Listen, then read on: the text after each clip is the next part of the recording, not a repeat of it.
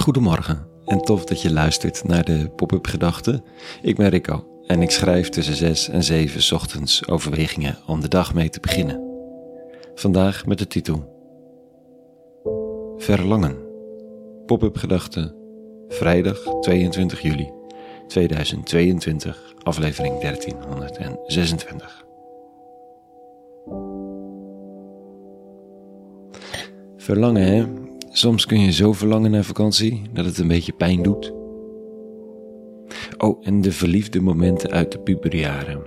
Niet dat ik me niet meer verliefd kan voelen, maar toen, man, man, dat deed pijn. Hier in het weekend wachten om weer een glimp op te vangen van iemand die je in het echt niet eens zou durven aanspreken. Over verlangen gesproken, zwelgen in verlangen. Maar waar zit dat nu? Waar is mijn volwassen verlangen gebleven en hoe diep zit dat? Volwassenheid is zomaar een accepteren van de status quo en binnen die marges een beetje een oké leven leiden.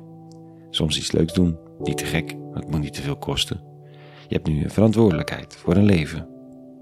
Soms verlang je naar een motor en een motorrijbewijs, maar dat is meestal een onderdeel van de midlife crisis. En je gunt het aan jezelf, ja, of niet. Sommige onvervulde verlangens blijven altijd pijn doen. De hoop op een relatie, het verlies van een relatie, het verlangen naar kinderen of naar erkenning door je ouders wie je bent. Dat is een ander existentieel niveau van verlangen. Maar wat is het spirituele verlangen? De mystici en de psalmdichters spraken van verlangen naar God, maar waar verlang je dan naar? Wat is dat? Wat bedoelt de dichter van de 63ste psalm vanochtend? Daar staat dit. God, mijn God zijt gij, ik zoek u met groot verlangen. Naar u dorst mijn ziel en hunkert mijn hart als dorre akkers naar regen. Hm, als dorre akkers naar regen. Ik was hier gisteren op Lesbos, op Home Village. Een stuk land dat twee fantastische lokale Grieken hebben ontworsteld aan de wildgroei, samen met vluchtelingen en vrijwilligers. Nikos en Catharine, ze zijn een begrip op het eiland met hun Home for All maken rustig duizend maaltijden per dag voor vluchtelingen uit het kamp en wie dan ook verder maar een maaltijd nodig heeft. Een visser en zijn vrouw, die maar niet ophouden met de wonderbaarlijke spijziging. En nu hebben ze een enorme community tuin gestart. Op ogenschijnlijk dorre grond. Het staat er vol bloemen, fruit, kruiden, groenten. Land dat dorst naar water, zegt de dichter. Nee, het dorst omdat het vrucht wil dragen. Het is niet, niet zozeer de akker die dorst heeft, het is dat wat wil groeien binnen de akker wat dorst heeft. Dat wat wil groeien in mezelf. Dat dorst naar, ja, naar dat wat de dichter God noemt. Wie is degene, wat is datgene waar de dichter naar verlangt? Ik zoek het omdat ik dat brandende verlangen naar, naar God niet per se herken, niet zo. Dus is de vraag, waar zit je hunkering dan wel? Herken ik de ervaring en kom ik zo op het spoor van dat waar de dichter naar verlangt, of op het spoor van God.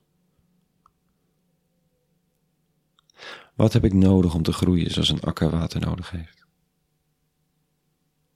Het simpele antwoord is liefde, denk ik. De miraculeuze omkering die plaatsvindt als je een bijna verdroogde akker water geeft, kun je wel vergelijken met het leven van mensen waar opeens liefde in wordt uitgegoten. Opeens gaat de huid glanzen, gaan de ogen aan, komt de kleur op het gezicht en ontstaat er ondernemingszin.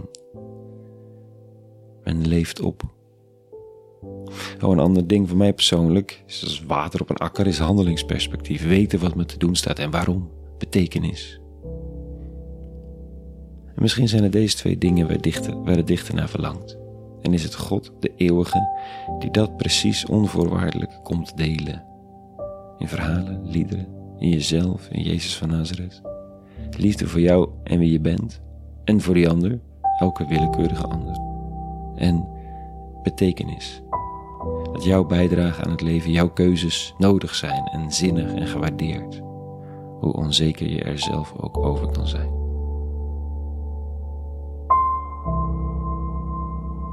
Tot zover even vanochtend. Een hele goede vrijdag gewenst vandaag. En vrede en alle goeds.